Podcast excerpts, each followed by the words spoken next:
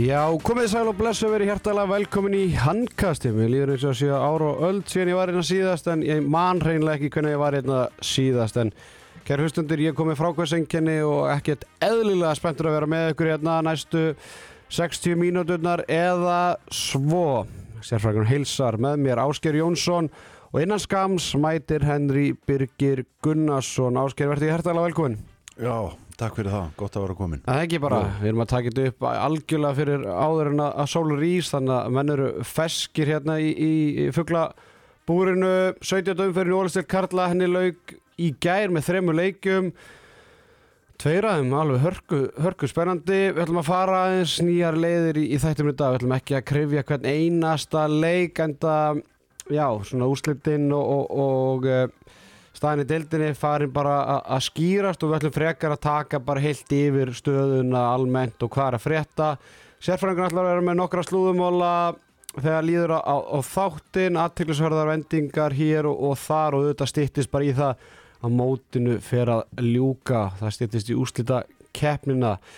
Ásgeir, ertu ekki bara feskur og, og hérna já, bara tilökkun að ræða bestu deildina Jú, bara algjörlega sko Þetta er svona, þú veist, þetta er Við erum að færast nær hérna uh, vikunum og, og, og, og dögunum sem skipta mestu máli í þessu á hverju tímubili og það er náttúrulega bara ótrúlega spennandi mm Algjörlega uh, Byrjum bara á, á liðanum sem, sem að uh, eru þarna í, í 7. til 10. sæti Selfinsingarnir, þeir gera góða ferð norður og Akurir og, vinna þar nokkuð samfærandi leik 35 29, Selfinsingarnir eru í 7. sæti með 19 stiga meðan Káa situr í 10. sæti með 11 stig, uh, 3 stigum frá falli og uh, 6 stigum frá úrslitakeppnis sæti. Við byrjum bara á, á hérna káamunum.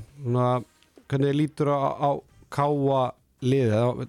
Eittu miklum tíma í setjumbilginni gæra að ræða bæði káa á Selfoss. Uh, margir vilja meina að þetta sé svona tímabili sem káa svona meðvitað var eitthvað búin að- kasta frá sér og allir bara eitthvað inn að byggja upp en ég er samt með rándýrt lið með allir menn í markinu með Óla Gúst með hérna Einar Eðsson, Mala Norberg búin að fá Gaut Gunnarsson frá IPF hvernig svona lítur á, á káa eftir 17 umfyrir? Ég held að enginn fyrir norðan sé sáttu með uppskýruna, ég held að það sé alveg á hreinu uh, kannski mestu vonbriðin fyrir þá er að ná að ná ekki einhvern veginn svona aðeins meiri meðbyr hérna eftir Óli Gúst kemur tilbaka, kemur góð innkomu bara strax og, og hérna ég held að það séu svona ákveðum kannski vonbriði fyrir liðið uh, en þeir eru alveg auðljóslega ekki sáttu við stöðuna. Og Mhm. ætluðu að gera betur. Aðeinsvært að hérna búið tilkynna að Jónni Maxi að fara. Haldur Stefán kom inn, inn. Hvernig líst þér á, á þá ráðningu? koma óvænt uh, koma óvart segi ég með við hérna, þjálfara púlíuna sem er, er búsett á, á, á Akureyri. En ég er bara mjög hrifin að því. Ég, þú veist ég held að hérna, ég held að Haldur hafi bara unni gott starf uh, í Noregi og já, mér finnst það eiginlega bara svolítið skemmtilegt að, að sjá svona ungan gæja að fá tækifærið uh, en ekki bara eitthvað svona autopick á eitthvað legend fyrir norðan. Mm. Þannig að hérna auðvitað náttúrulega bara, þú veist, á hans og eftir að mæta til starfa og þurfa að standa sér í stikkin og allt það en hann er líka að koma ótrúlega reynslu mikill inn í þetta frá hérna úr störfum sinum að utan. En ég held að þetta sé bara þú veist, ég meni þeir hljóta að vera búin að kortleika þetta vel. Mér finnst þetta allavega bara spennandi, ég verði að segja það. Mhm, Algjörlega og ég, ég er svona nokkuð neginn sammálega hvað það var þar að ég held einmitt að svona ungur inn að gæsa á óreindu þjálfarinn heima með mikla reynslu utan komin í kallabolt en ég held að hann gæti komið svona nokkrar nýjungar sem að, að hérna, gæti svolítið bara hrist upp í þessu kálið sem þeir algjörlega þurfa. Ég, ég held að sé alveg tilbúin að vinna mikið með þessu yngri strákum og, og reyna að bæta þá en, en svona sagan sem að ég er að heyra fyrir, frá norðan sem að er graf alvarleg er svo bara leikmenn ég hafa bara ekki verið að borga síðustu 2-3 mánuðina. Ok, Þannig það er að- og, og svona, það kemur ekki droslega óvart þegar maður heyrir það skilum mig að því að veist, hvað gerar á félagskeptaglöggunum í sumar? Þeir gera nákvæmlega ekki neitt og, og missa líkilmenn, missa hérna, Óðinn, missa Arna Frey og maður svona bjóstu að þeir myndi, jú, þeir fáðu þetta Dag Gauta heim og fá síðan Gauta sem var svona já, já, ágættis pikka verður kannski ekki hérna að vera ríða feitum hesti en ekki dýrasti leikmann markaðan allavega, ekki, ekki á þeim kalibri sem að Káa hefur verið að sækja undanfærið en þannig að þetta kemur ek- ekkert óvart. Maður var bara að heyra þetta í sumar að það væri nú ekki til neitt peningu það náttúrulega liði í fyrra var gríðarlega dýrt maður getur rétt ímynda sér það en hérna það er svona sorglegt að, að hérna að sjóðurinn samherjasjóðurinn sem bara tæmdur og hérna og maður svona velti fyrir sér þú veist, getur vel verið, Óli Gústa er á samning, getur vel verið sem er gatt er hann að fara he heim í FO eins og, og margir að ræða veist, maður svona spyr einar rapp uh, hann er vís bara í góður vinnu fyrir norðan, hann er náttúrulega tengda fjölskyldan er með hérna, sérefni og er búin að stopna hérna, opna búð þar og, og þannig að hugurinn er kannski ekkert endilega að leita söður þannig að maður svona velti fyrir sér hvort að hvort að partí sé búið fyrir norðan. Mm, Ég veit ekki, ég, ég náttúrulega hef enga einsinn inn í, í fjármálin fyrir norðan, en ég ætla svo sem ekkit að, að hérna kafa, að vera með eitthvað spekulasjónir um það. Uh, ég held að þessi ráðning til dæmis á Halldóri eh, hérna eh, síni kannski líka, ég held þessi að reyna að fá fleira út úr honum heldur en bara það að þjála mestaraflokkin, hann náttúrulega hefur að reka líka uh, hérna, Volta. Volta í Noregi þannig að veist, hann, hann kemur inn með svona ákveðna reynslu og breytt þar Káa er náttúrulega með ótrúlega mikinn efnivið í yngri flokkum. Við sjáum það bara í, í hérna, þessum ungu stráku sem er að springa út núna hjá þeim og hafa kannski verið svona ljósu punktarnir í, í hérna á tímbilinu, þannig að ég held að þú veist, mögulega eru þeir líka bara að fara að satsa á það og, og þá kannski þú veist, eh, kemur eitt tvö erfið tímbil, nú er ég bara hérna með einhverja pælingar sem ég, sem ég hef ekkert rætt við menn eh, um eða þannig skilur ég. Bara svona kasta þessu til loftið, það kemur ekkert á óvart og það væri bara ég meina þeir eru með það góða leikmenn í, í sínu röðum unga sem að sem að hérna eru bara mjög líklega til þess að gera góða hluti í, í þessari deild á Al- næsta árum sko. algjörlega.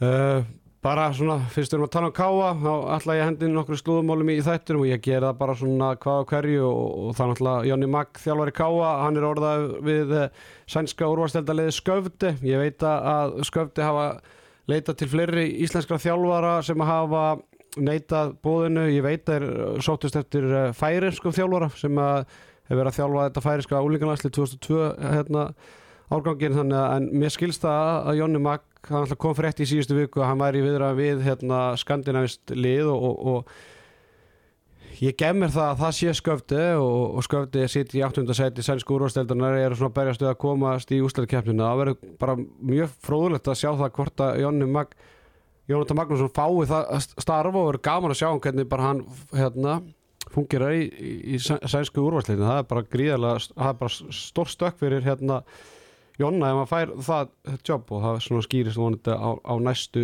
dögum. Selfinsingarnir þeir sitt í sjöndasæti deildarannu með 19 stig. Uh, við vorum með blameringa fyrir mót við strákundir í handkastinu um það að við bara sáum jafnvel fyrir því að fyrir, sá- sáum það að Selfos bara kemist ekki úsliðakefni en mér finnst bara Þóri Ólafsson vera að gera fáralega gott mót með að við bara mannskap, þú veist, hann er ekki með lélega mannskap, ég er alls ekki að segja það en hann er með mannskap sem að hefur verið að glíma með meðsli, þú getur ekki tort bara skýsla og sagt, já þeir eru með Ragga Jó, þú veist, Raggi Jó hefur lítið sem ekkert verið með. Guðmundur Hólmar ber- glíma með meðsli, Mhm. Einar Sverrisson Richard Sæþór hefur glíma með meðsli, þú veist, þannig að Alli Ævar hefur ekki spilað nema, þú veist, tveið þriðja af mótun, hann eða mér bara eina af kannski tíu óvandistu stjórnum tjöfelsins Já, ég meina, ég er bara sammála sérstaklega og lítur á töflunum núna út af því að þeir eru búinir að það er búið að stígandi hjá þeim. Og, og núna eru þeir bara komnir í þennan pakka með liðum sem að hérna, sem að enginn hefur verið að tala svona um.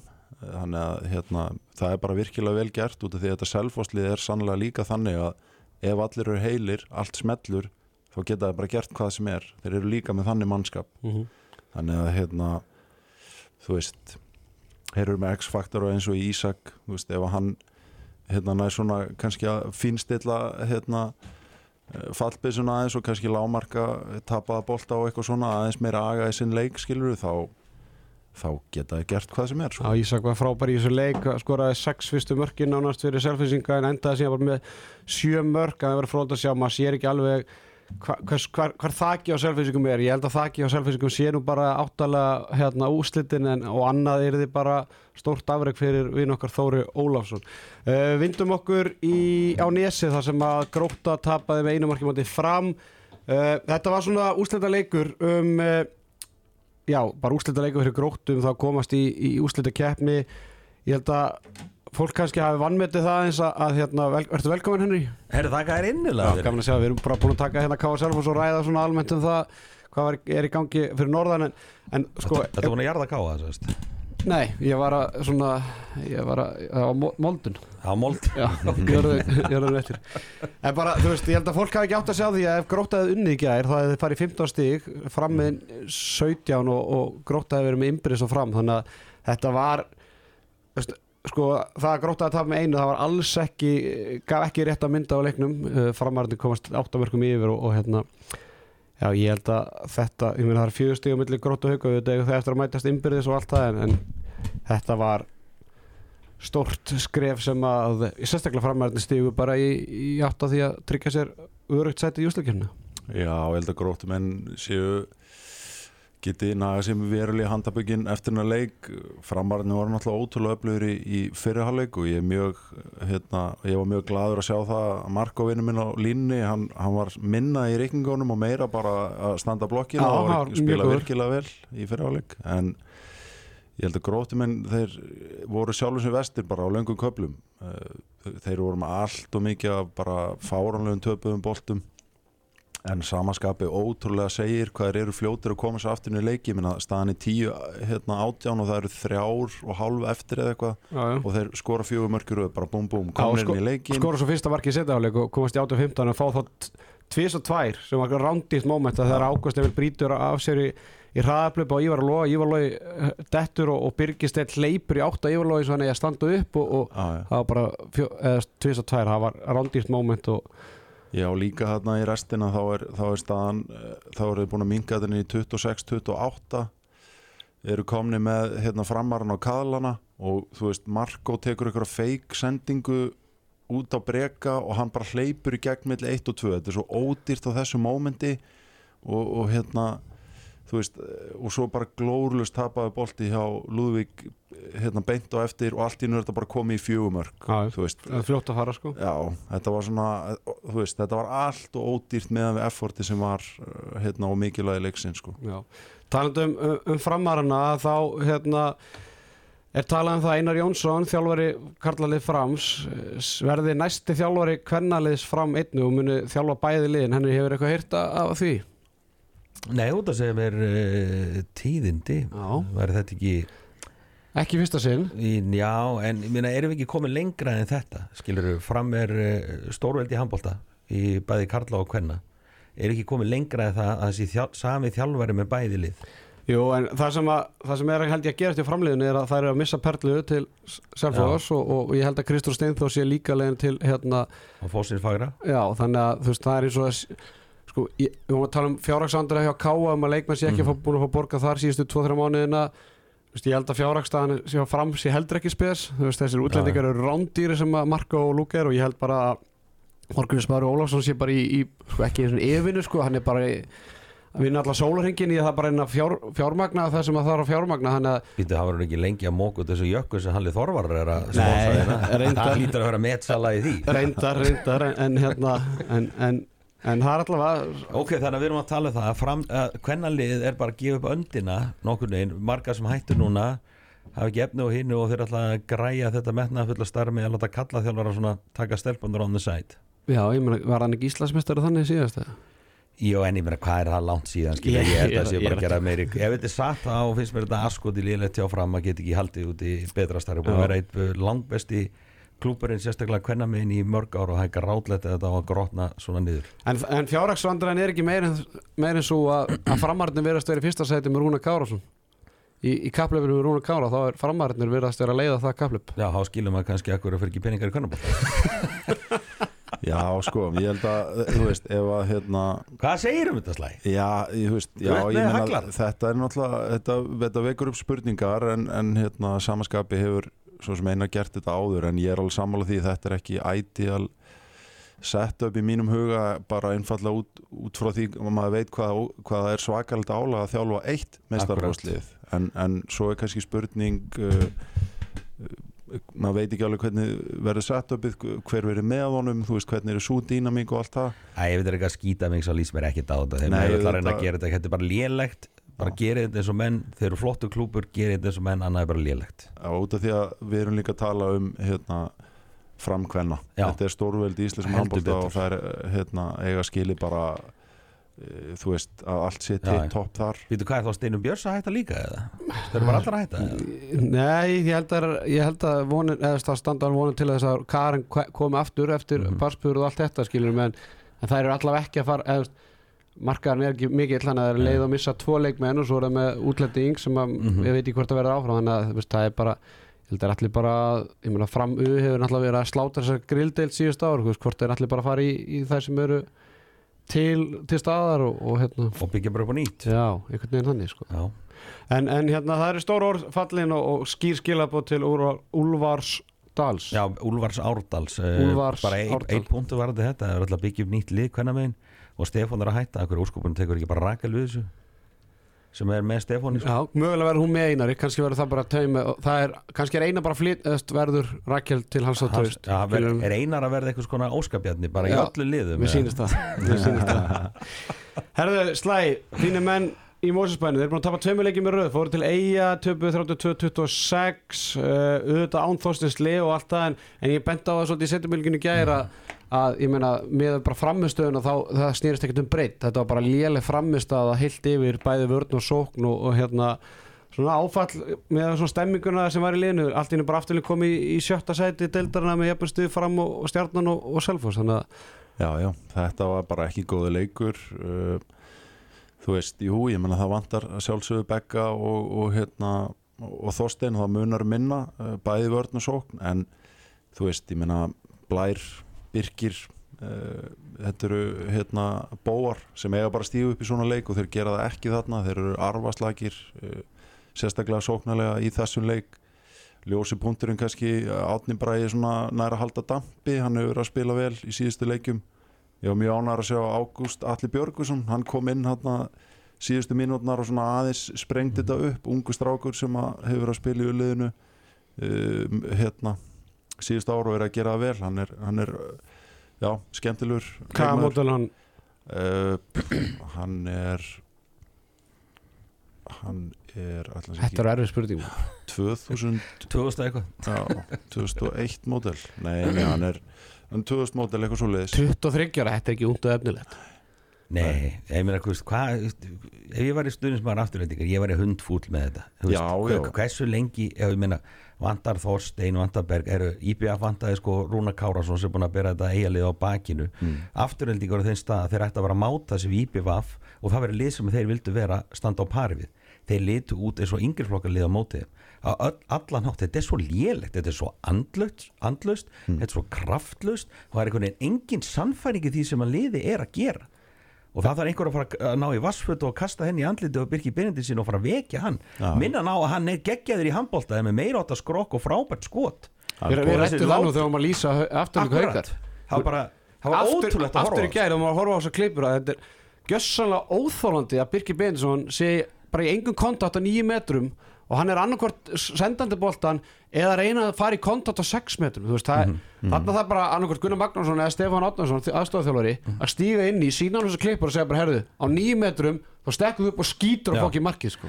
eini svona neistinn sem ég séð í þessu afturheldingarliði síðustu vikur var þarna á móti Káa og það var bara fyrst og fremst því að Árni Bræi bara elskaði verið í Káa heimilinu tók lið á bakið og sko þar á maður sem fór á með frumkvæði og krafti veist, hann bara vann þann leik. Þú veist, þegar ég var að hugsa þann leik menna, svo leik þegar við erum að lýsa á afturheldingu daginn þá bara, af hverju óskupunum er Birkir að spila? Af hverju er ekki verið að láta Árna bara að fá liklan ef að hann all- í það minnsta þorir?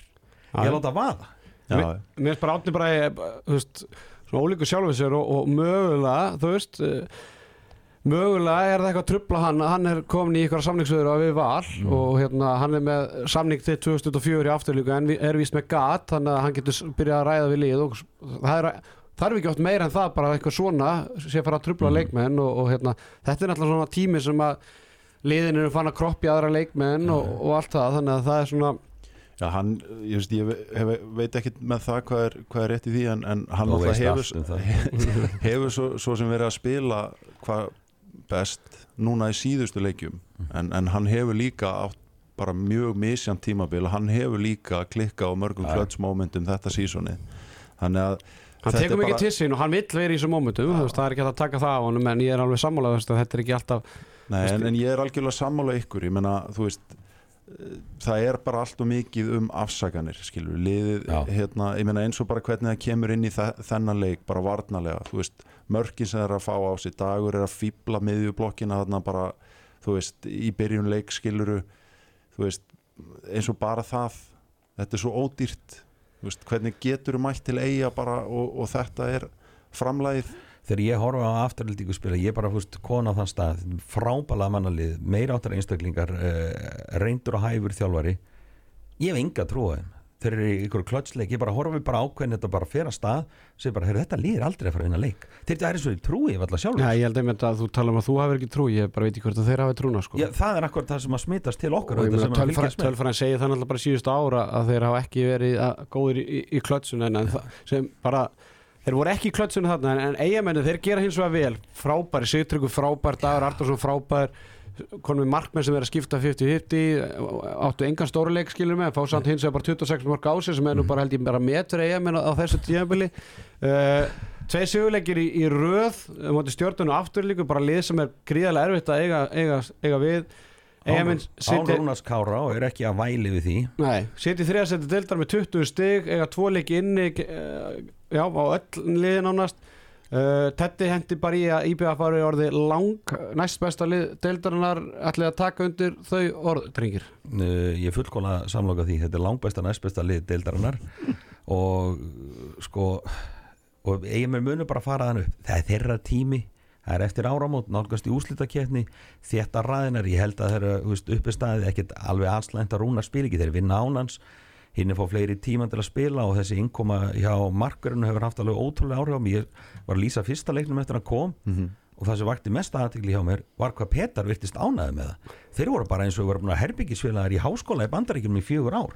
Það var bara eins og voru sálufélagans komin og virðist það var jáka áhrif á Petar sem að skila góðu þessi gæi virðist að fættur í Vestmanni um Kvíturúsin, litli stemningskalli sko, hvernig var hann á þjóðhátti ef hann er svona núna bara í einhverjum leikjum bara sko í februar Já, já. þannig að mér finnst það svona að kemur góður nýr andi með honum styrkir markvösluna þeir vinna alla leiki og þeir eru konir í gýrin og alla að gera þetta með stæl. Þetta er langbesta næstbesta liðildrannar uh, Varandi það, þá er ég með punkt hérna ásker e, hver er líklegast að liða til að veita val samkefni í úsleikefni Er það IBVF eða er það eitthvað annað lið, þú veist, afturlík hefur verið í, sko, ef valsæðunar hafa verið gríðalegu vandröð með afturlíku, eða skilum við liðin alltaf bara mattsa mismunandi upp, Já. upp á móti hverja öðru.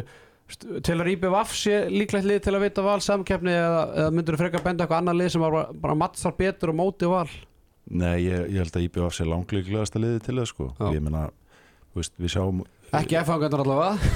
Nei, eða þú veist, ég meina þetta getur náttúrulega allt gerst í úslitakefni en ég meina við horfum bara á úslitakefni í fyrra ég meina, við, þú veist, við erum hérna, skiluru, einu tveimu færum einu tveimu dómar ákvörnum sem er að skera hérna, úr um úslit í þessum leikjum milli vals og IBVF, það er ekki svo valur hafa bara eitthvað rúllað yfir IBVF alls ekki, þetta var bara mjög close einví en vissulega valsararnir bestir og unnu og það er bara engin spurningu það en, en þú veist, var, þetta voru þvílíkt jafni leiki, dramatík og, og þú veist, þetta hefði geta fallið líka skiluru, einn hefði til dæmis IBF náð sigri hérna á hlýðarenda þarna þegar, þegar Alessandi sóti rauðninginn og Akkurat. allt þetta skiluru, ég menna þannig að ég held að ef, að- bandalæði þetta í gýrin alveg klálega ég menna ok, við, við erum búin að hérna, afturöld líka búin að fá eldvörpuna verðskulda en, en það er alveg sama þú veist, ef að þeir eru með alla heila þá hafa þeir sínt að þeir geta stríkt val en að sama skapi líka bara því miður klikkað eh, hérna, Á ögustundu og þeir verða bara komast yfir þá hindrun ef þeir ætla sér einhvað yfir höfuð. Þannig að þú veist auðvitað eru fleiri góðu liðarna, ég menna stjarnan skilur þeir hafa líka sínta Já, bara vinna vals, valsarna. en í serju þá held ég að, að IBF sé langleiklegasta liði til þess að veita um samkjöfn Já, við höfum ekki gleyma því að ég held að allir að Valur myndir náttúrulega bara valta yfir IBVF þannig í fyrra. En hann má heldur ekki gleyma því að IBVF er með einhvers konar svartabelti í úslitakefni er alveg sama hver anstæðingurinn er, sama hvernig lið þeir eru með eigamenn kunna þetta upp á tíu að þjappa sér saman, æs upp anstæðingin gera allt vittlaust og þeir þrýfast í þessu umhverfi. Já, já, og þetta er bara nákvæmlega saman fara að gerast, gerast núna. Það verður bara uh, sama úslita einvíi mm og Þetta er og sko, bara- svo bara hvernig Valur kemur undan þessu öllu þegar uppi staðir, út af hvað valsmenn hafa staðið við lappinnar í öllu þessu álæðin sem verið í. Mm. það er eftir sko, hvað, einn og hóla tvo mánuði hvernig það verður, hvernig það standa það náttúrulega hefur mikið með að segja hversu mikið sens IBF mun eiga í því einni Það verður líka frólægt að sjá hvernig leikurinn þróast á, á föstudaginn þegar að F og IBF eigast við og, og ég meina það getur verið svona líkitt leikur um það bara hvort liði nær öðru sætunu eins og ég sagði að IBF á, á tvo leiki inni gegn IR og herði þannig að þetta er svona síðasti sens fyrir F að halda Já. öðru sætunu alltaf meiri áttaleikir F og IBF og ég meina þú veist F og IBF þetta er mjög, mjög líklega liði sem lendi í öðru þriða sæti þannig að Já. þetta er basically bara hva, hvað liði verðum heimalegja rétt inn í undanúrslitum ef, ef, ef það fer svo en, en hérna kannski bara skjóti inn í einu punkti hérna, með, með val bara alveg í restina.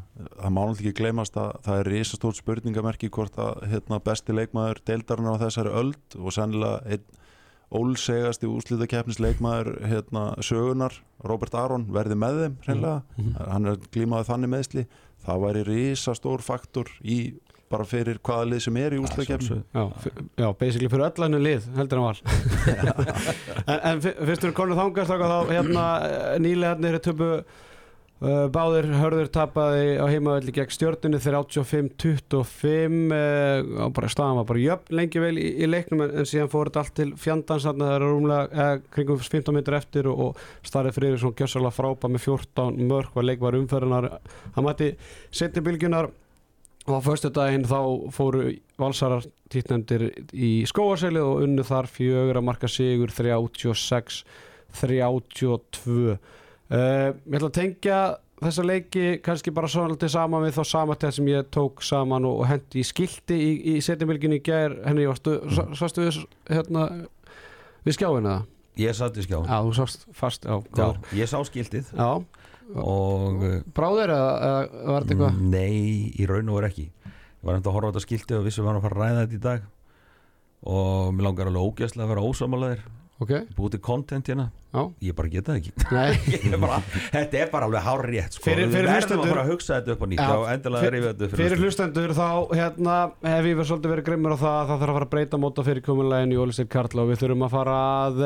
er ég ég það að það að að að að stoppa það að það séu tvö lið sem falla beint. Uh, ég síndi fram á það að þetta er sjötta tíðanbilið þar sem við erum í sex liða deild og, og tíu nýlegar af tólf þar að segja ef hörður og í er falla hafa fallið síðustu sex ár farið við fórum í tóllega deild. Einugis Káa sem að held sér uppi þessi nýlegar og gróta það, tí- það tíma sem Káa heldur sér uppi þá er Káa basically ekki nýlegar þetta er, þetta er árið sem þeir komið upp í fyrsta Akkurat. skipti eftir að Akkurir flosnar upp, þeir eru með frábært lið með reynslu mikla leikmenn og á saman tíma og gróta held sér upp undir, undir stjórn sérfræðingsins þá náttúrulega bara fór ír á hausinn Þetta er basically 12 á 12 eins og fastegnasalli kom inn á ekki já, já, það Já. mætti alveg er bara réttlæta það sko Já. og hérna, og, en á sama tíma þá var ég held ég hvað sjö af tíu liðin sem fall, hafa fallið hafa farið beint aftur upp, mm Mhm. skilur mig þannig að og þau lið sem ekki farið upp, þossarnir þau eru í næst næsta seti grillin í dag fjölnir hafa verið miklu basli Mhm. og uh, já, ég man ekki hvað þriða lið hvort að, já, ég man ekki hvað þriða lið var en, en hérna, Víkingur. Já, hvort það hefur ekki verið vikingur á, á sínum tíma en, en sko, og ég, ég rætti aðeins hérna og bara, nú tökum við bara þessu umræðu. Ég rætti, það er tvær leiðir sem ég vil fara, þú veist, margir vilja mér, ég hef tekið nokkuð símtur síðustu daga og, og hérna, að því að það eru formannafundur HSI eða formannafundur félagana núna í mars Mhm. aðdraðanda ástings.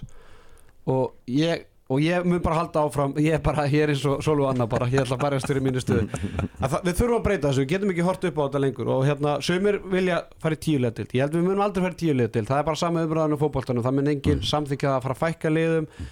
Það er alveg þetta réttlæta það samt skilum við, bara með fjölda liða, mestararslið og allt þetta. En bara það sem við höfum í höndunum í ég ætla ekki að tala um að nýlegarnir núna sé eitthvað verið en áður, nýlegarnir hafa alveg verið ágættir, en þeirra eru samt alveg tvemu tröppum fyrir neðan hinn liðin þannig að ég vil meina það að við verðum að fara í umspil að 11. seti fara í umspil eða þá sem er nýjasta sem að nýjasta hugmyndi sem ég fekk er að fara svo kallar dönsku og sænsku leið sem sagt að í, í Danmörku og í Svíþjóð eru 14 lega deildir og þar fellur neðsta lið 14. Neðst, eh, neðsta setið en svo fara 13, 12, 11, 10 og 9 í riðil þar sem spila einföldu umferð Já, og neðsta liðið þar mætir sigurvörunum í umspilinu í næsta eftir deild sem er þá bara annað og þriðarsætið þannig að það sem við þurfum að gera á Íslandi til að hérna, geta þetta ég held við getum ekki farið í sko 11 10, 9 skilum ég nenni ekki mm. þryggjalega að annar lið búa að tryggja sig upp þegar, skilum við þannig ég vil bara fara í 11. sætið og 10. sætið mætast, best of 3 og lúsirarnir þar mæta sigurvörunum í annað og þriðja sæti sem er líka best of 3 og svo er bara spurning hvort að ústættarleikur sé bara eitt leikur. Það er, af því að það er kannski meiri líkur að grilliðin getur unnið ólistættarliðin í einu leik heldur en einhverju fimmleikja þannig að, og ég fyrir bara á heimavelli liðsins í fyrstu deild. Og, og hérna, þetta er bara sjónvarpað skilur mig og, og við þurfum að gera eitthvað. Sagan segir okkur það, tölfræðin er hræðileg. Þetta er sex tímabil. Að því ég skil alveg umræðum að koma strax eftir 2-3 ár. En núna erum við búin að fara í 6 ár. Og ég meina tíulega deildin var ekkert lengi. Við vorum í áttalega deild, svo vorum við í tíulega deild bara ykkur 3-4 ár, núna erum við búin í 6 ár í tólulega deild, hvað ætlum við að sofa lengi verðum, Áskir Jónsson. Já, sko, ég er ég er eins ósamálaði að fækka liðum í deildin og, og hugsast verður. Bara byggt á minni reynslu uh, hérna, bæði sem þjálfari og leikmæri þessari deild til þó nokkur ára. Mér finnst tóliða deildin hafa fært okkur bara margt. Mér finnst hún hafa stækka plattformið fyrir okkur. Mér finnst hún hafa hérna, ítt við mörgum klubbum til að gera betur. Og við erum núna komin með að mér finnst tíu á hverju ári sem eru bara virkilega samkeppnishæf lið. Að skera það niður í veist, þannig að þú veist, að þú fenni í tíu lið þá breytist það í mínum huga í átta samkeppnishæf lið skilur alveg bara eins og þegar það var áttalega deild þá voru það sex. Já. þannig að ég vil ekki hróplaði því plattformi. Ég er samt hjartanlega sammála því að hérna, skoða fyrirkomulagið á transitioni milli grill og ólís og að búa til betra og meira spennandi plattform þar á milli skiluru ég held að það geti styrt báða deildir út af því að að minnstakosti virkar ekki fyrirkomulagið að eitthvað jójólið sem er í sjötta sæti í grillinu geti allt í einu einhvern veginn spila svo upp í ólisteild það, bara, það meikar ekki sens það, bara, er, það er bara út í hött. Og, algjörlega og, og svo er alveg sér umræða skilur bara dýnamíkin í grillinu per se, þú veist, og ég hef alveg skoðanar á því líka, við erum kannski ekki að fara út í það þú veist, þetta auðliðs hérna uh, setup sem, sem hefur marga plúsa, marga mínusa skilur, það þarf líka að ræða það upp taka það upp regla, meta kost og galla. En ég heldur þurfum að byrja á þessu skilur, þarna, þarna, ég- ég þarna sko, af því að sko, af hverju þurfum að byrja þarna? Af því að ég held að þetta gæti haft jákvæð áhrif á grillið. Því að hvað gerist, það kemur nýtt leik í grillið fyrir hvað, tveimur þreymur árum, kría. Fýlið flottur á samfélagsmiðlum og flotti leikmenn. Herðu, þeir bara allt í hennu komu upp þeir eru engan áhuga að fara upp og ætla aldrei að spila upp í skilur þó að þeir hafa haldið öðru fram og, og gera ennþá í dag. Já, já. þetta, þetta hefði kannski geta verið lið sem hefði kannski geta verið bara í grillinu. En af því að hvernig móta fyrirkomlega þá bara allt í henni er það bara komin upp í úrvastil. Mm. skilum við sem er veist, og hérna þannig að og nú ætla ég að nefna Víking sem dæmi. Þeir hafa svolítið verið upp og niður og ekki endilega verið að vinna deildirnar hafa farið upp í gegnum umspilið og hérna síðast bara á móti kríu bara því að við fara samt upp það er engum greiði gerður og það er engin framtíðar hugsun í því að drífa sig upp Nei, nei, Þannig að ef þú ferði í þetta umspil og tapar móti 11. sætunu eða 10. sætunu í ólisleitinni þá ertu bara ekki alveg nægilega góður en ert samt alveg með lið í að geta kannski unnið á grilli bara á næsta ári þannig að veist, vikingarnir þegar þeir fara upp síðast í, eftir þetta umspil á við kríu þeir voru í svona fasa, þeir voru um á Jónesberg skilur mig, þú veist um að var þá eitthvað 18 ára þeir ætlu að reyna að fara upp árið setna skilur mig, en þeir bara þeir voru tilnætti til að fara upp. Hva, hvar væri vikingur stættir í dag þeir væri þá í ólistildin í dag með Jóhannes Berg já. og fleiri leikmenn og einhverju fleiri Já. já, já. þannig að þú veist, það er ekki alltaf bara besta lustin að fara upp og, og ég er svona, ég ætla að vona ég sé ekki að særa góð vin, vin með Jón Gullu Vikkarsson eitthvað svona og ég get, og auðvitað er ég núna í þessar stöða sem ég er að fjalla um þetta, ef ég væri í hans stöðu var ég örgulega algjössalega brjálaður. Já, já. en þetta má ekki snúast um það á sífíinu að ég er þrísar sem fara upp á grillinu. Fyrir mér er það bara ekki dróðsælt afreg ok, ef þú vinnur grillið, þá er það bara fínt afreg en að fara upp, upp, upp í jólastildi gegnum þetta umspil það er bara ekkert afreg Nei, nei. Sko ég er algjörlega sammálaðir uh, Sko ég held að setja aðeins að prjóni yfir með þess að sænsku og dönsku leiðir hana sem eru 14 lið og annað. Byrjum frekar á hinu Mér finnst þessi hugmynd að 11. sæti spili þarna í hverju umspili frekar en 12. Mér finnst það bara fín byrju Byrjum, Arnar, á Já. einu skrefi. Þú, þú vilt þetta bara klára marathoni sko, snemma og þetta en- er það góð formi sko En það snýst samt bara um það sko, að þú veist, mótið er bara búið fyrir 9. 10. seti 11. og 12. frekar snemma skilur mig, þannig að þarna ertu kannski líka aðeins að lengja mótið fyrir liði viðbót Ég þannig meina að að það fittar rosa vel eins og fyrir káa núna Þannig að Já, það er búin, búin bara í februar sko. Já, já. við höfum spilað svona umspil. Ég spilaði sjálfur í þessu umspil í mörg ár. Ég meina, þú veist það, það var húsfyllir hérna, skilur bara eins og í úslitakeppni meðan við vorum að taka rimmur við gróttu, selfoss um nákvæmlega þetta, skilur það sem að úrvast, ég meina þú veist við við stjörnuna, skilur Mhm. þetta, þetta voru frábær emmi og eftirminnileg og, og það, það bætir klárlega þetta umspil að hafa eitt ólisteildalið sem kemur þarna inn. Já, akkurat, búið til einhvers konar þannig og þá er líka komin aðeins meira svona fút í grilli, það er einhverju meira að keppa það er einhver hápunktur í lók tímabil sem hægt er að stefna að og einhver event skilur þetta er fullt af fólki þessu sjónvarpað og þú er búin að búa eitthvað til.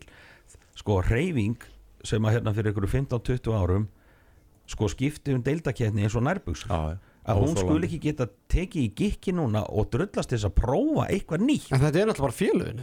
Félögin Já, að það er reyfingin Já, já, já, já. að Já, já. hún skulle ekki taka í gikkin og gera eitthvað menn sjá þetta ekki, sex ára þessu sama upp og niður, já, já. Come on sko, Sko, gerið eitthvað An annar faktor í þessu líka sem að uh, ég og mjög erfitt með eftir að hafa þjálfað í, í grillinu er, er þetta að, tryggja raunverulega venslaliðum sæti í grillinu Mhm. þú veist, út af því að skilur, mótafyrirkomulagi er, er eitt stóra verkefni fyrir reyfinguna er að tryggja fleiri öfluga klúpa út af því að með fullri veriðingu fyrir kórdrengjum, uh, kríu, öllum þessum hérna, Vangi Júpiter já, já, öllum Mhm. þessum liðum þetta er ekki lið með uh, neitt starf Nei. neitt yngreflokkastarf, þau eru ekki að búa til leikmenn þau eru ekki að leggja neitt þannig til hreyfingarinnar, Mhm. skilur ég er ekki að gera lítið úr, úr því að þeir séu þarna. Ég er bara að segja að þú veist, já, já, skilur fattar já. þú veist það vantar bara fleiri klúpa í þetta. Já. ég menna og, hvað, og þú veist, eins og núna til dæmis skilur, eru kórdrengir með 0 stig í grillinu bara því að þeir eru Unnu valu um helgina. Já ok, þeir eru komin með tvö. En þú veist, fattar eitthvað ég meina. Ég vil Já, líka bara hafa eðlilegt flæði þarna. Ég meina þessi, þessi Ég veist um að þessi klubbar hafa eitthvað á móti því að fara að spila bara í annari deildinni skilur Ég meina, sumir er að reyndar óskuð eftir því En lögðu svo upp laug, laupana skilur Já. Höfum bara eðlilegt flæði upp og niður þarna líka sko. já. Ég menna, svo er alltaf verið að gera eitthvað. Bissanar er upp handlímuna í- á skaganum og það voru æfingar í Reykjanes bæjan og hefð fyrir handbólta á báðum stöðum. Já, þannig að Það er við tökum það jákvæða vonandi kemur eitthvað meira Já, út ég meina því. Víðir er með mestarokk í, í hérna annar deildinni og, og hérna ég meina hörður með úr, liði í úrvastildinni þannig að, e, en ástæðan fyrir ég var að tala um að þetta geti haft jákvæð áhrif á grilli er basically það bara, þú veist, það er veist, ég geti bara reynt að hóa eitthvað lið núna bara, þú veist, eitthvað 10-20 stráka skilum við, sem að ég annarkvært þjálfa í val eða haugum eða hafnferðinga eitthvað svona. Og hra- að hræðslan væri bara shit en hvað við förum upp eða skilum við, þú veist, það, það er ekkert alltaf hugsunist þetta á líka bara vera ég meina, hvernig er þetta í Þýskalandi, þú veist það er lið í annari þriðbúndisleiku sem er bara svona sem í bumbulið, sko veist, Já, já. en bara góð lið, skilum við en æfa kannski bara þrísar viku og allt það. Og hræðslan á ekki að vera bara, en, ok við erum ágættið, skilum við, getum bara en, það er bara meira en 50% líkur að fara upp. Mhm. þannig að þú veist, þetta má ekki vera þannig. Það er, það er frábært fyrir, hérna, segjum bara íhjá eða hvíta rittar en eða vangi júbitess að fara í umspil en skilum við að þeir vilja hefði ekkert endilega fara upp. Þannig að þá er ekkert endilega gaman að fara í umspil þegar maður er bara að fara hrættur um að bara, heyrðu, við getum bara slésast á upp. Nei, það líka meikar ekki sens með að við hvernig deildin, grilldeildin er núna hvernig samsetningin er, í henni er núna með að við til dæmis hvernig fyrsta deildin var þú veist 2007-2008 þegar ég var í þessu umspili. Þú veist að, að það hafi verið hærri barrier þá að komast upp í áttalega deild heldur en það er núna að komast upp í tóllega deild skilur þú veist, þú veist með færri klúpa niðri sem eru innan gæsalapa alvöru klúpa með fulla starfsemi yngri flokka og svona, þannig að barrierin er að fara upp og niður þegar þú ert komið niður. Hann er rosa lítill, þannig skilur þannig að þú veist bara það að, að bæta inn þessu ólisteldaliði í umspilið finnist mér, þú veist strax bara uh, vera svona aðeins meira gæða tjekk inn í ólís, Já. skilur ekki spurning. Getum við ekki, hérna, getum ekki hengi hjálp frá íþrótdeildinu að fá okkar að formin í viðtal og spyrja bara hvort þetta sé hægt eða? Áhugið fyrir þessu? Þurfum við ekki að espeta þessu upp, þetta gerist ekki að sjálfu sér. Það gerist nefnilega ekki að sjálfur sér. Við höfum lært það Já, við þurfum að við þurfum að rífa þetta upp við skoðum þetta eitthvað þegar að að þetta er hagur sko, í Ásgeir bendir réttilega á það. Ef við að vera í tíuleitdeild þá verður þetta bara átta góð lið er en ef, ef, ef við fyrir með þetta Já. þá getum við komið með 11 góð lið. Af því að hákáði fyrra hef- hefði alveg átt skilja að halda sér uppi. Já. Íringar núna hefði alveg átt að skilja halda Já, uppi Þóssararnir skilur mig þegar gróti heldur uppi þeir eru með Ígur Kopisinski, þeir eru með Jóhann Kúkubat þeir eru með Strópus, þeir eru með Arna Fylkisson þeir eru með frábært lið falla þetta verður bara ekki neitt Mhm. Skiljum, Já, þannig að- já, já. þannig að þetta komin 11. lið inn í, inn í hópin Já. sem bara getur kannski einu ári verið konið tíunda eða níunda besta Já, sett já. en að það falla Já. þetta er ekkit eðlilega erfitt bara fyrir deildin eða sko hagnaðis deild félagsins þetta er bara algjört þetta er bara af- sko. Ég segi aftur, algjörlega að það er áfall fyrir alla en sterkur klúbbur lifir þetta af skilur, það er Já. líka punkturinn þú veist, við sem hreyfing þurfum líka bara að gera meira í því að svolítið svona að deila ástinni hvað þetta var það skilur, það er hagur allra að hafa sem flesta sterka klúpa sem býr til sem mest af góðu handbóltafólki með sem bestu samfellin í sínu starfi skilur, það sem að afreikstarfi fer ekki út á fjarar og fresti með einhverju sjálfbóðliðum og svo framvegi skilur, að deila þekking og reynslu að þessu leiti finnst mér vera algjört priority. Og það eru nokkur ár síðan að það eru svona þrjú ár síðan ég tók sama greina gerðum rekstur allra hangnæðistelda á Ísland og sendi á HSI meðal annars til þess að taka saman þessa þekkingu. Þar að segja að gefa einhverja sviðsmynd um hvað eru bestu deildinir að gera, hvað er að með marga starfsmenn hvernig eru, eru það að reka sig hvernig eru bæjarfélögin að taka þátt í að reka þau og svo frammiði skilur þú veist til þess að það sé einhver sín, einhver hugsun og ekki svona tryggjum við samfellu í starfinu skilur og hvernig komið þetta út? ég meina það er svo sem ekkit eitthvað mikið sem kemur á óvart í því skilur það er bara herri standard hjá bestu klúbónum í hvernig þeir eru að reka sig. Þeir eru með uh, fleiri starfsmenn hjá bara deildinni. Uh, þeir eru að tryggja meiri samfellu til dæmis bara með það að vera með rekstrastjóra hjá deildinni uh, yfirþjálfara sem er ekki með alla hattana, meistarflóðstjálfari þú veist, og svo frammiði skilur þú veist, það kom ekki á óvart að klúbarnir sem voru neðst voru með veikasta struktúrin skilurðu. Frangöndastjóran þjálfar og yfirþjálfara Já, og ég menna ég teg bara þessu afturöldingu sem dæmi skilur, ég menna afturölding er raunverulega bara mjög öf, öflugu meistarflóðsráði frá því að vera þar. Og ég hef gaggrind þetta mjög mikið innan klúpsinn skilur að þú veist eh, struktúrin hann þarf að vera á pari við bestu klúbana eða þú ætlar að keppa við bestu klúbana skilur byrjum þar. Þú getur alveg mætt og klukka eitt tímabil skilur og ferðu upp farið eitthvað góðan sponsor, tekur þrjá útlending og klukkar eitthvað, þú veist, gerir eitthvað eitt gott tímabil en þú ætlar að tryggja samfellu í eitthvað tíma, þá er það þetta sem ræður úrslitum ekki hvaða leikmannahópu út með hverju sinni Nei, og, og mannuð eru kannski ekkert rosalega mikill og svo yngreflokkastarfið ekkert rosalega svona örugt eða svona stert hjá mörgum skilum það er bara, þú veist það kannski kemur eitt góður árgangur í HK og svo kannski ekki eftir fyrir eftir fjögur ár og svo vikingarnir með frábæran ár, árgang einu sinni og svo ekki eftir tíu ár. Þannig að það er svona erfitt að tryggja, að tryggja og, það. og þú ert líka bara komið ákveð skilur vopn í hendurna gagvart til dæmis sveitafélaginu eða bænum að þú getur sínt og sagt eru þetta, þetta er það sem þarf til þess að reka öfluga deild skilur, hvort sem það er handbólti, fótbólti skiptir ekki öllu máli skilur, ég er bara að tala um þú veist, að í staðin fyrir að við séum bara svona eitthvað að giska, að við séum búin að kortleggja og bara rannsaka hvað funkar best og hvernig. Út af því að maður hefur séð það svo oft í gegnum árin þú kannski farið upp eitthvað öflugt sjálfbúðlega ráð svo brenna þeir út og þekkingin skólast út bara einu bretti. Þá í staðin fyrir að vera til dæmis rekstraðæli inn í deildinni sem væri að miðla málum skiluru og varveita þessa reynslu og þekkingu og gæti síðan aðstofa nýjan sjálfbúðlega hópi að gera betur, skiljið hvað ég menna Já, akkurat. Já, e, sko, bara einn lítil punktur hvað ég þetta var þetta svona þegar slæði var að tala um sko að fjölga félögum og svona, húst, rótgrónum félögum hana Hvað með K.R. núna? Nú er karvanulegin í skrúuna í Vesturbænum. Er ekki döðafæri fyrir handlíman að koma með kompakt í senda hérna yngva í frostaskjólu og ræða við forma félagsins. Nei, ég held að það sé bara algjörlega hérna farið er- verkefni sko. það var reynda geggjað að fá áttur sko.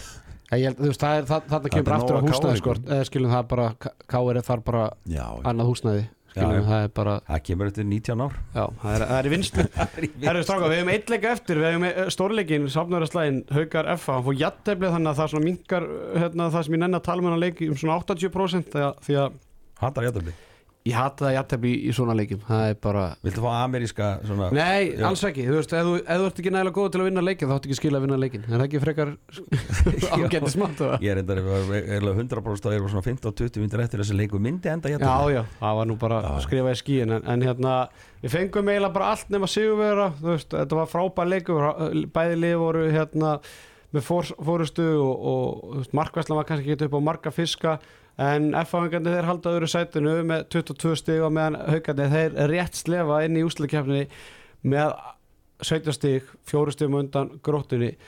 Þá er náttúrulega lístum hérna afturlík haugar Mhm. á, á, á, í síðustu viku. Erum við fartir að sjá eitthvað svona betri bragi yfir haugarliðinu eða? mm, Öllítið betri, fyrsta spurning, hvað er þetta frábær leikur? Nei, þetta var ekki Nei, þetta alveg en- ræðilegu leikur. Þetta Mér var- fannst það gæða lítið ég, og illa ég, spila. ég, ég sammála, ég hugsaði mig þegar ég var í setjumilkin gær Já, Nei, ég, hvort ég var að fara að sofa í gær eitthvað þú veist. Þetta var, ég veit, ekki maður reyndar getur ekki sagt ekki mikil gæða því að gæði er eitthvað Já, já. sem er eitthvað gott Jara, eða bla, bla, jara. bla, já. en þú veist, þetta var ekki frábær handknatt leikur skiljum en, en það var allavega jákvæmt að þetta var jafn leikur skiljum Já, þetta var já, ekki já. 44-22 Nei, nei, sko, það svo- var bara átt að spenna og svo, Já, já, já. Já, Þetta og var það, voru mörg, marga tvær mínútur og Já, það já. var baróta og það var verið að klikka eða, alls, eða sko við fengum bara náttúrulega allt sem að handbóltaleikur getur bóð upp á Já, já. nema sigurvera og, og, hérna, og kannski rauðspjöldin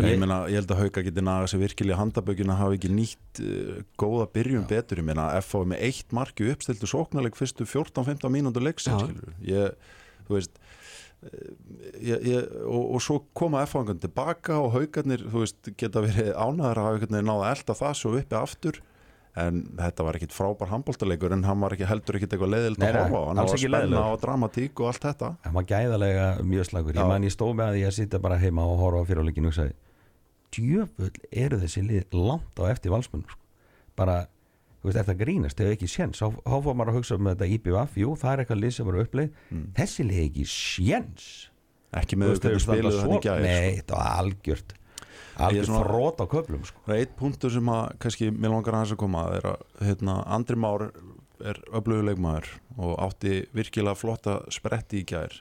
Mér finnst bara allt og margi leikir þar sem að hann er að skjóta allt, allt og mikið. Mhm. Þú veist, hann er ekki skitta eftir hún bara í fram ég, bara, Þú veist, þetta er meðist þetta ekki að sami leikmaður sko. hann, var, hann var miklu betri þá. Já, hann er miklu bara einhvern sko við vitum að, við sáum að þá, við vitum alveg hvað þessi gæi getur. Hann er meiri áttur í handbólta. Mik, mikið handbólta, IQ, hæfileika og allt, en stundum bara kemur það fyrir unga menn að þeir einhvern veginn bara detta út af spórin og getur tekið svolítið tíma að finna veginn aftur, það er allt í staðar hana. En þú veist, þetta byrjaði illa þú veist, þegar pappas var ennþá hana og svo bara einhvern held maður myndi koma þetta bara er ekki að koma, en Kútas og hann hann pöngast áfram sko. Já, meina- hann er ekkit lítið lýsir samt sko. Hann átti frábæra rispur, hann kom haugum inn í leikin í Já. gær skilur, ég meina hann, hann fiskar menn út af, hann er á mókonum hann á línu, síðan bara kemur þetta það sem hann er að fara í kontakt og taka ykkur, þú veist, skot þeirra sóknar eru erfiðar, það Já. Í mínum huga, og nú er ég ekki þjálfa liði skilur, er ég bara svo ósamála því sem upplegið, þú ert með miklu betri skotmenn í liðun en hann. Hann hins vegar á bara að halda áfram að gera það sem hann var að gera frábæli í leiknum sem var að vinna mann, losa, búa til færi hvort sem það enda nýri hotni opna fyrir línun og svo frammiði Akkurat. Ótrúlega tölfæraði sko, hann er með fjóri XG fjóri XG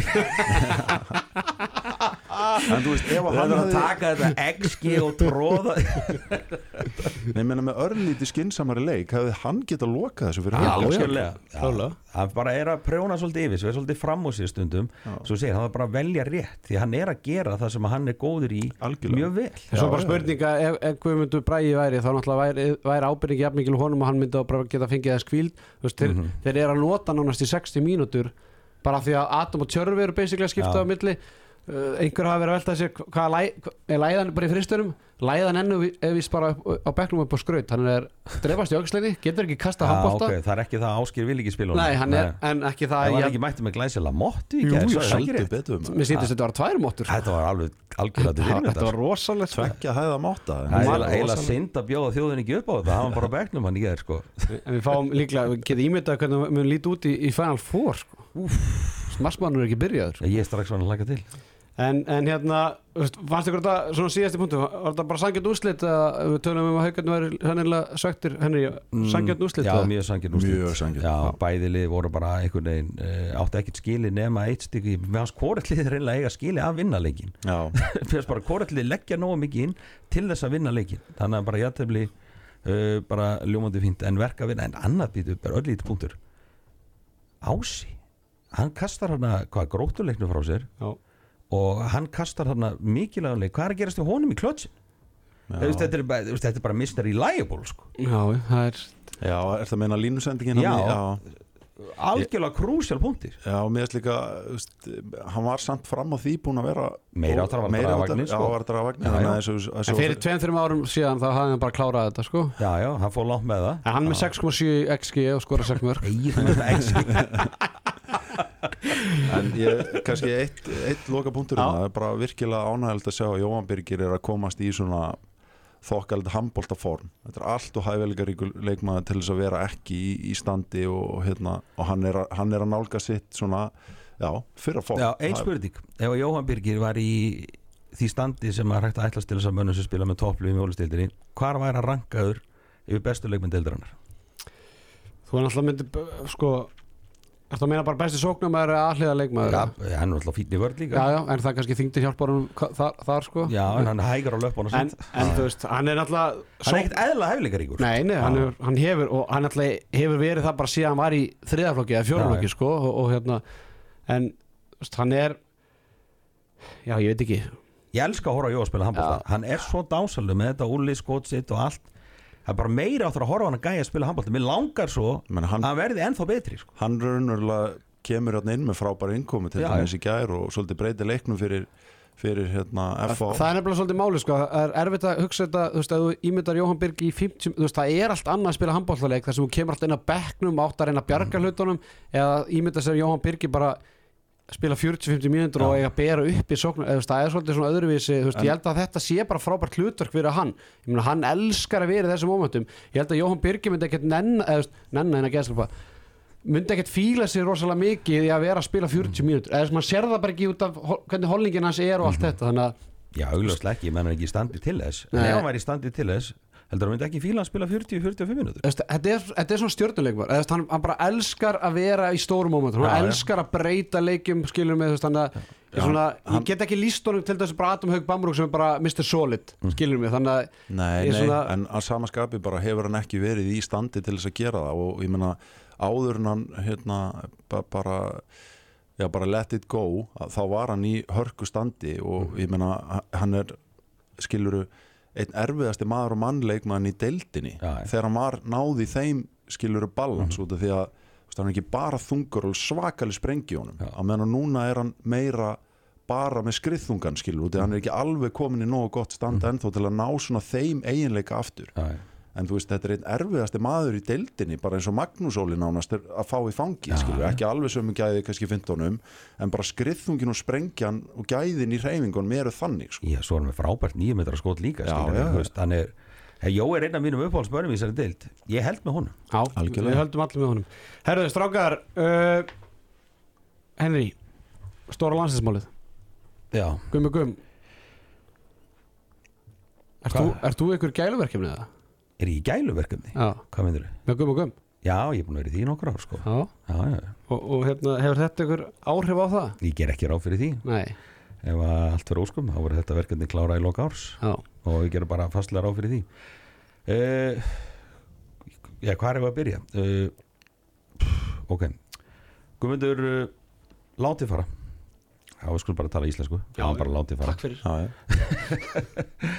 Saman hvað búningi mennilega setja það í og Guðmundur lagði sína hugmyndafræði undir á þessu móti. Gamli skólin þjösnast á sömu leikmönum og skal komast þér ákvæmna hjalla. Gott og blessað, hann er rétt á sinni hugmyndafræði. Hann leggur hana bara til grundvallar því hvernig hann á árangri.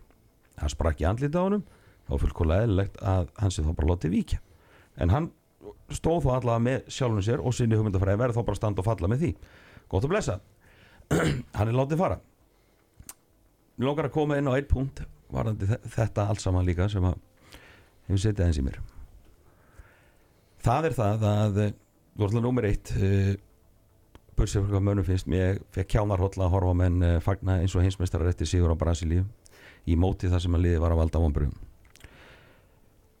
og það fór óstjórnlega í töganar á mér að eftir að leik líkur og hafa verið mikið hafari í viðtölum og annað eftir að stór hópur íslenskan landslýsmanna skulle nánast hafa verið byrjaðar að móka undan Guðmundi og gleðjast við því hann hafi lent í ykkur hakkavél og, og svo framvegis. Leikmenn sem voru að valda vonbröðum og eiga stóra sök á því að íslenska liði fór ekki lengra hefðu að minnstakosti mátt líta aðeins í speil og jafnvel sumi hverjir skamma sín fyrir að hafa ekki staðið sér betur heldur en gerðu í stað þess að fara í það að reyna að kasta þjálfarunum fram að, fram að gílinu strax í upphafi. Það fór í töðunar á mér. Já, ég meina, þú veist, ég held að það sé ekki þetta þú veist, það er ekkert sem koma óvart við Guðmund á þessu móti og hans uppleg, hans nálgun og allt það. Uh, þú veist, ég er algjörlega sammála því að þessi hafi verið komin tíma á breytingar en ég er samt algjörlega sammála því líka að þegar þú ferð inn í verkefni uh, þú veist þá er allir annarkvort saman í þessu eða ekki alveg til enda eða ekki. Og það er ekki ekki gott til afspurnar eitthvað svona á miðju móti eða rétt eftir mót bara svona út frá bara prinsip ástæðum. Mm Ég hérna ég bara sa- sammála ykkur báðum tveim en, og hérna ég var svona ég rætti náttúrulega eftir Sigur Vals á móti Páka og ég talaði um að vera skemmt eppli innan, innan klefans. -hmm. Uh, Tóttu fútból tók það fyrir og, gerði svolítið grína því að það meikaði ekki sens en, en ég er stend fastur á því að það er skemmt, allavega eitt skemmt epli innan leikmannahóps hérna, landslýsins og, og þrátt fyrir að að Gummi verið búin að missa klefan að þá er þetta skemmt epli sem hefur mikil áhrif á það að Gummitur Þórður sé og hafi mist klefan og henni þú veist getur þú tekið undir þetta? Eða skilum við, veist, er þetta ekki svolítið umræðan sem hefur átt sér stað hérna eftir og meðan á mótunum stóða að klefin er ekki ja, fullkomin og, og fólk heldur innan landsleysins Nei, það var það ekki og klárlega ekki á þessu móti og ég meina við máum sé það oft gerast. En ég meina þú veist, þú getur verið ósamala þjálfarinn og getur verið ósamala uppleginu en þeir allir í sama stríðinu sko. Mm. það er allir í sama liðinu að berjast til þessu stríð og þú getur verið ósamala hersöðinginu þínum og svo frammeins að þú þarf bara að fylgja því eftir. En þegar menn eru að fara að móka undan þjálfarinnum í miði móti og hlakkar í þeim þegar mótinu líkur að því að líklega verður þjálfarinn látin fara í staðins að líti eigin barm og skammast í fyrir hvað þú varst að bjóða upp á þessu móti. Mhm. það gengur ekki. Það er tími og staður og stund fyrir alla slíka hluti en ég meina menn átt að vera brjálaður út í sjálfa sig fyrir að hafa ekki gert betur Já, og ég svona já. ég hérna fæ að vera í þeirri forreindunda stöðu að stjórna vinsasta hlaðvarpi landsins í janúar hérna og, og það og ég tala alveg um það beint eftir HM og, og meðan HM stóð eftir, hérna, eftir þetta tap á móti Brasilíu þegar á mótun líkur að og eiginlega fyrir það að veist, ég var að fá ótrúlegar sendingar kannski ekki beint frá landsleismönnum en basically eins og landsleismenn hafi verið að byggja vinu og vandamenn um að senda mér alls konar skilabóð og, og ég rætti um þetta strax í hérna bara á meðan á mótum stóð. Þetta, ég, ég hef ekki búin að vera þjálf í mörg ár en þetta er að síðast eins og þú vilt. Þú Já. vilt ekki að klefin leki. Ég á ekki sem fjölmjölamæður þó að það sé frábært fyrir mig og ég bara þakka fyrir alla sendingarnir sem ég fekk. En ég á ekki að fá að skilabóðum það hvernig Guðmundur er að heiða sér á vídeofundum eða á æfingum sjálfum eða hvernig samskipti hans er við leikmenn eða, eða hvernig fyrsta æfing var þegar þeir hittast eða hvernig veist, hvernig, hvernig hálfleiksræðan var skilum Nei. mig? Þú veist, þarna þarna er hrikalega stort vandamál og Eða, þú sem eitt af íslenska landslýsins vilt ekki hafa Nei. þetta þó fjölmjölamæður í sjána ég er að segja það, skilum við, frábært fyrir mig að geta fjallað um þetta og fá fyrirsagnir og allt þetta. En þetta er Þetta ekki það er- sem ég vil fá að vita. Þú veist, þetta er í mínum huga skilur eitt af grunnprinsipum hópíþrótta. Þetta er heilagt skilur ég skil það, ok, ég menna myndast sérstak, einhver þetta er, er landslið sko, þetta er ekki félagslið það sem að þú getur ósattuður spiltíma. Þetta er landslið sko, þetta er ekki haukar eða valur eða afturlíka eða, eða liðupúl eitthvað, þetta er landslið skilur, þetta á að vera stoltið sem þú ætti að spila fyrir og þá áttu ekki að vera að grafa undan ykkurum sko. Nei, skilur menn uh, hérna, megi alveg vera ósattir og bara tala opinskátt um það við þjálfaran, við HSI, innan hópsins og allt það, en allt svona uh, eitur eh, raunverulega á móti sem er svona, eh, þú veist, einhvern veginn að- svona puð ykkur út í staðan fyrir bara að ræða þetta opinskátt innan hópsins eða eitthvað svoleiðis. Það er bara fyrir mér algjört prinsipleysi, alveg sama hvaða teimi hópur lið er að vinna það Akkurat. saman. Þetta bara er menning sem að á ekki að eh, bara vera í neinu góðu liði. nei, þetta er bara óþólandi og fyrir neðan allar hellur og eins og bendir réttilega á að ef einhver er ósótti við eitthvað og svo framvegis að þá eru starfsmenn það eru aðstofaþjálfarar og, og svo framvegis þú vinnur innan frá en ferð ekki í þennan skítadreifara sem að menn voru að fara í þarna það er bara fyrir neðan allar hellur En, en, en svo er svona önnur spurning sem ég var til að spyrja því að hann er kannski erfið spurning Hefði Guðmundur ekki þurft bara að stíga til hliðar sjálfur? Ég veit að svarið er stoltið hans er meira og allt þetta en er þetta ekki svolítið common sense? Skilum, þú veist, þú getur ekki bara alltaf að loka allum hurðum og allir eru ómulegir mm -hmm. eða skilum, ef þú bara missa klefan og þú, þú veist, hverjum er það greiða gerður alltaf eitthvað neina að halda áfram? Eða skilum, e, þú þekkir hann betur en ég þú veist, var það bara aldrei að fara að gerast? Eða þú veist, hvernig svona lítur þú svolítið á það, þú veist? En þú þegar sko, þjóðin þekkir alveg ágætlega Guðmund, Guðmundur er mm, það er ekki maður sem gefst upp. Það hefur aldrei gert ekki síðan að hann var leikmaður hans mentalitet er auðvitað bara það að hann tekur þetta á kassan en ætla sér bara að gera betur næst og bara trúir því innilega að hann geti gert betur næst og ná betri árangri. Hann, hann sé að í- hanga með hálfvitum allan daginn? Mm, já, kannski bara vissi hann ekki nógu mikið hvernig veist, það allt saman var og, og svo framins, ég meina hann bara tekur þessu sem áskorun, þegar þá bara kem ég og treð sokk upp í menn og næsta móti ég meina það er bara, þú veist, hann er bara þetta er hans vinna og hans mentalitet er bara að gera betur og ná hámas árangri, hann var alveg að fútla og allir að það hafi ekki ná betri árangri bóttið, Já, en það er bara, þú veist ég meina þú ert ráðin í vinnu og hann bara ég, ég, ég ætla ekki að gefast upp um minni vinnu. Ég er ekki uppgjafa maður það ef einhver annar vill reyka mig þá er það bara þeirri, þeirra réttur. En ég sinni mínu 120% eins og hann har alltaf gert. Hann hugsaður þetta bara þannig.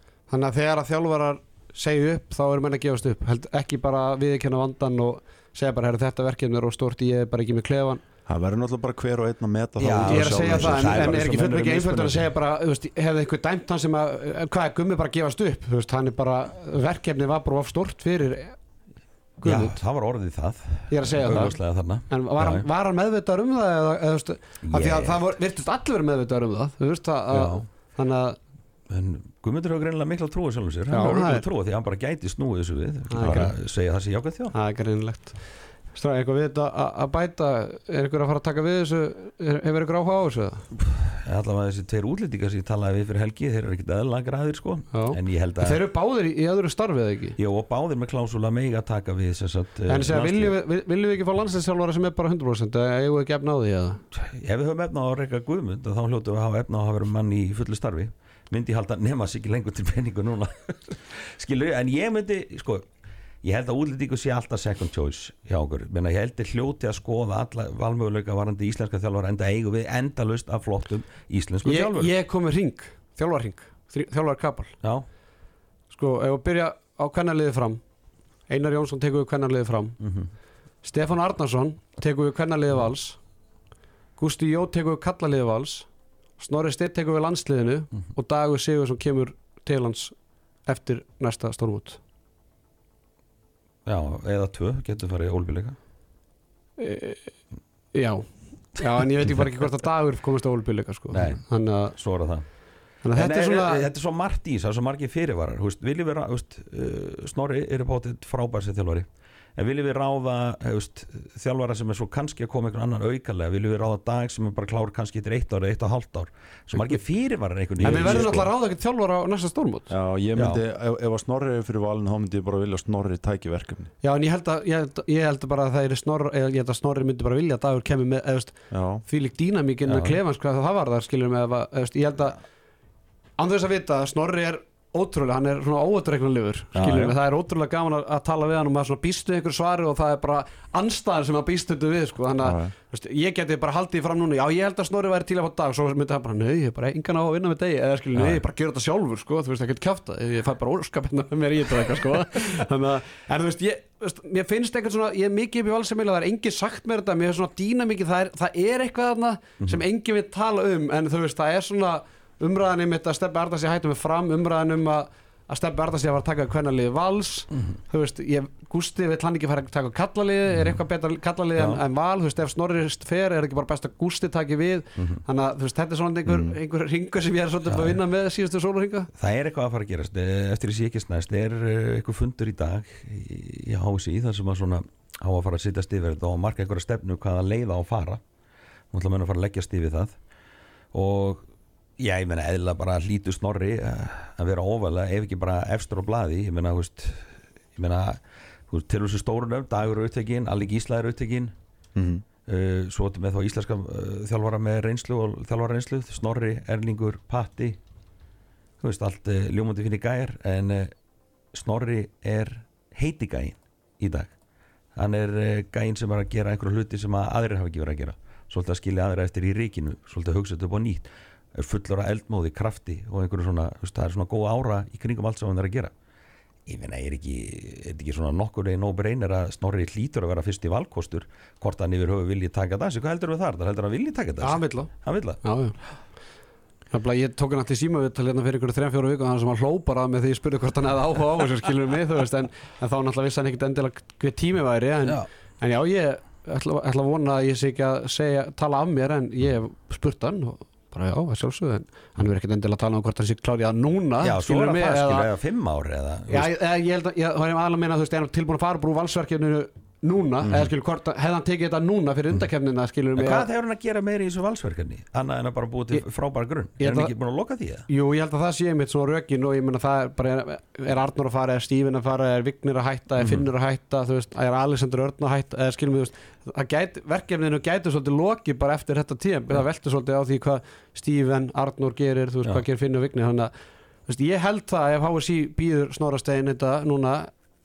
þú að, þú það þetta þar að segja, tek, taki við þessu núna eftir tímablið, ég held að Snorri ætti mjög, erf- eða, þú bara, ég held að gæti ekki sagt nei. Nei Og þurfa ekki að hafa þá líka hraðar hendur Ég held að sko Snorri verður pottitt líka með tilbúð utan úr Evrópu sko Já, ég held að hann er ekki þar.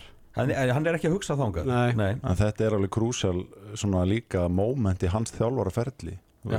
Hvað velur hann núna? Já, Já. hvað velja núna en, en þú veist þetta íslenska landslýstþjálfarastarf er eitt mest spennandi í mínum huga þjálfarastarf sem er í bóði í, í heims handbóltanum í dag. Mhm. ég meina, þú veist. Já, já, ég veist sko, nú tala ég sko bæði við uh, aðstofað Svíja og þjóðnandi landsljóðara Egyptalands og spilaði kannski ekki viðtali, tók á Zoom viðtali, tók ekki alveg í heildina en ég get bara sagt það að þeir töluðu báðir alveg ótrúlega fallega um hvað Ísland væri spennandi landslið og þá myndi allir þjálfar hafa áhuga á þessu starfi. Já.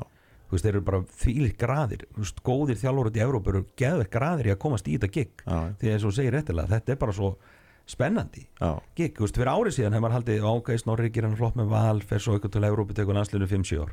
Jara, jara, en svo fljótt að breytast.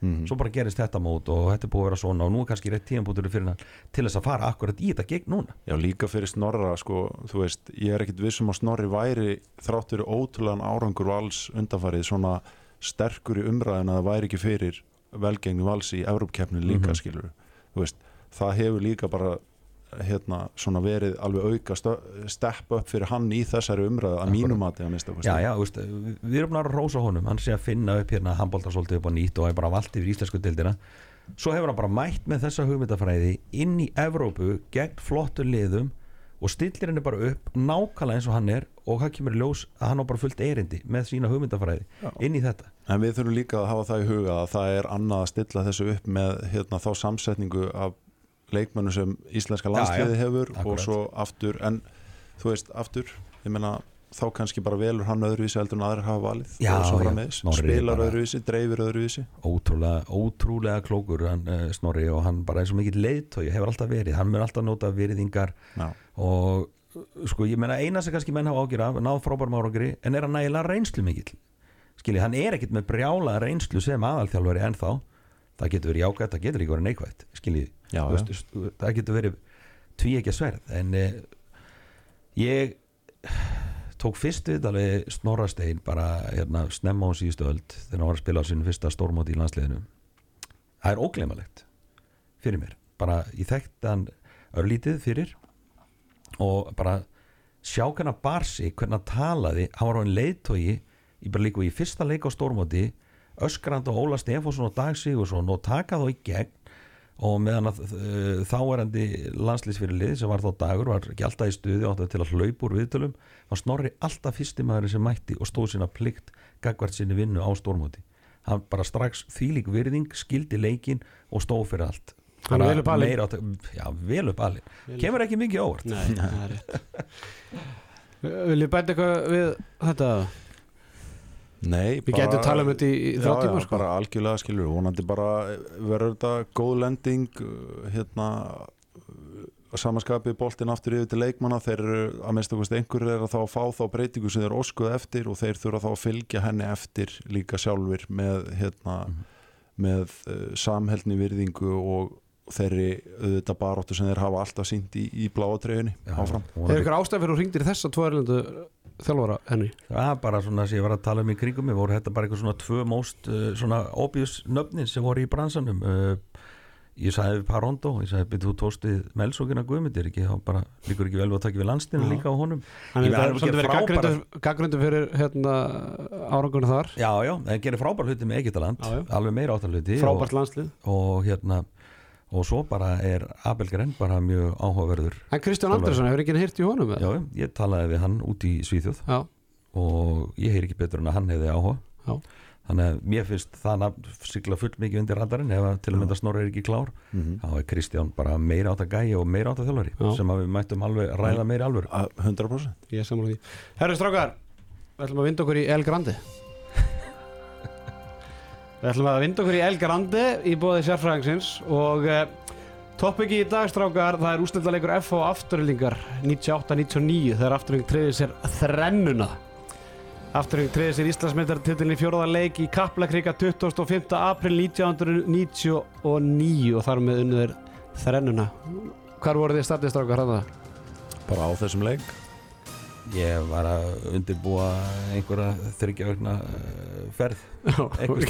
í hitan Herru Guðan Ell Sigursson þessu. Já, ekki, Guðan. Ell og Ólar Örnar Haraldsson bestadómar par landsins á þessum tíma dæmdu leikin og var engin annan en Kjartan Steinbeck var eftirlitsdómari. Þannig hálfleika 12-12 og leiknur leik með 25-23 sigri afturlíkar uh, El Grandi í dag er ekki flókið. Ég ætla bara að fá leikmann að hópa liðana FH og afturlíkar þetta er 14 leikmenn í, í hverju liði 28 leikmenn í heildina. Henry Birgir, þú ert eldri. Þú það? færð að uh, byrja. Að hvað, nefnum leikmannhópuna Já, nefnir eitt leikmann og svo ásker og þangar til að einhver klikkar. Úf, bara úr öðru hverju liðinu? Já, bara þetta eru 28 leikmenn. Við nefna eitt nafn. Er ekki Guðjón Árnason hana? Guðjón Árnarsson er að sjálfsögða á, á lista. Bjarki sig Bjarki Sigursson Uh, Bergsveit Bergsson lítur að vera hana Já, já, Bergsson Bergsson stendur ramman í, í markinu. Jóhannes Lange er þriði markmann, hann var ekki í hóp í þessu leik þannig að það er ekki, ég ætla bara að gefa ykkur það þá er ekki að segja Jóhannes Lange. Uh, Verðum við ekki að, að tala um trúfan? Jú, jú, hvað trúfan? uh, Eldri, byrjum á honum. Já, ok Já, ég vita hvað er eldri eða. Alex. Alex. Alex, Alexi Trúfan. Já. ætla þú að fara þá yngri eða? Nei, ég veit ekki hvort það sé á seint. Ég held samt ekki. Langar ro rosa mikið í minn mann Gunnar Beintens Já, Já, já, já, sjálfsögðu. Er ekki? Gun- Gunnar Ágúst Beintinsson uh, Jón Andri Finnsson. Jón Andri Finnsson að sjálfsögðu. Þetta er alltaf mjög ósækjast Þetta er allar æsku hetjunar að það gera hana sko. Hann getur bara farið djúft inn í hópin sko. Uh, Haldán Þórðarsson Hann á línni. Já, já, Halldór Kall Þórðarsson hús, hús, í Engildaskóla á sínum tíma. Hann var á línunni með nýllífuna Þorkjell Guðbrandsson Sjálfsög Ekki hópa. Þetta er vond maður. Nei, Þorki Guðbaransson er ekki leikmann að hópa afturlíka þessu leik. Hann Slæ og skeist. Jöfull. Djöfullar í heppin Ég, ég var eiginlega alveg búinn sko. Já, ég, ég, ég er með svona sjö aðra í afturöldingarleðinu sem ég hef ekki þannig Gintas, Gintaras Já, já, já, já, já það, þetta, var, þetta var rosald ég bjóst ekki við þessu vendingum en hérna, ég held að ég sé ekki að fara mannavilt hérna, maður sjá, ég fyrir bara hérna en HSI og Nei, hann er bara verið mittið á eitthvað í þessum leik. Já, úrslitin hérna Ég er ekki til að skrolla þetta þrísar Þetta er sama skýslan en þá sko. Já, já, maður sjá, það er Já, var hann kannski ekki þarna? Í 99? Jú. Það er engin Þorkjell Guðbrandsson í hóp hjá afturlíku þarna. Nei, hann var ekki þarna. Hváttu, hváttu mörgna hérna Henry Ég, sk- bara, ég ætla bara að njóta sigursins. Já, ok. Já, við, við þetta Ardal og Já, ég ætla að reynda að taka steina næst Ég var svo svona við ökkukennar Val Gunnarsson. Já, Svo hefur við hérna, er þetta, er þetta ljósmyndar en Lárus Long eða?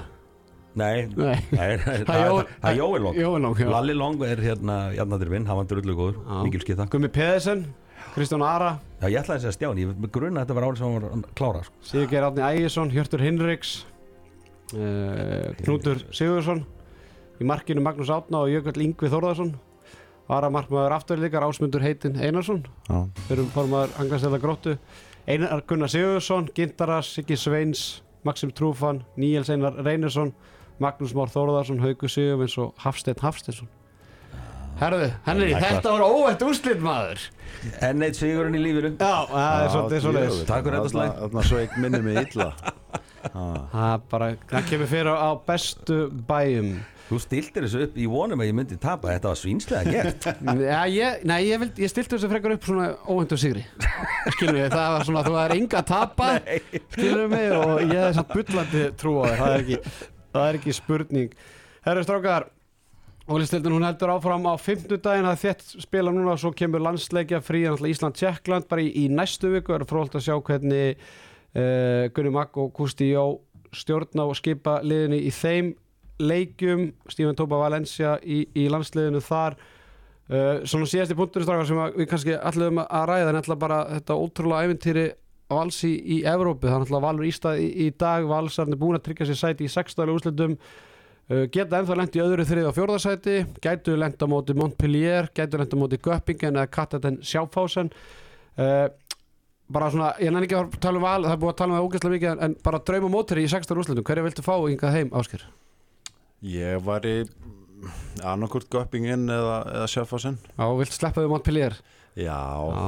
en það væri gaman að fá hérna, íslendingana eða, eða göppingin væri, Já, ég vil fá aðalstinn Reyni Eyjólfsson félagið minn í Origo höllina og Óðinn Óðinn. Undrabarn sömulegis með, það er bara langt með sexi líkur er- Línan væri svona skemmtilegt. yfir 12,5 mörkja óðin í heimleik Já, Sá sælir. myndi vera á eldi maður Það veri, það er skorið ykkur 80 mörkið heimleik Þetta er þetta væri bara er líka- mesta þvæla sem hefur séð Já. sko. Þetta var heldur ekki eftir sko, þriðju mínúti var. Fimm mínútur eftir og marki undir Ég er bara að langa rosalega líka til að sjá hvar Valur stendur gagvart liði eins og Kadetin Sjáfós Já. Ég er eiginlega mest spenntur að sjá það Það væri ekki Þannig að þetta er svona minn drömmulegur Já, það verður frólt að sjá það eh, leikur í Vals og Ístað fer fram í, í Svíþjóð klukkan kortur í 6 í, í dag uh, 16. úrsliti fara fram 21. og 28. mars og sjálfsög í beinni útsendingu í besta sætunni það er svona að þurfum við ekki að fara að fara út í 16. úrslitinu eða fyrir við út í áttalega, Henry Ég er bara Final Four Já,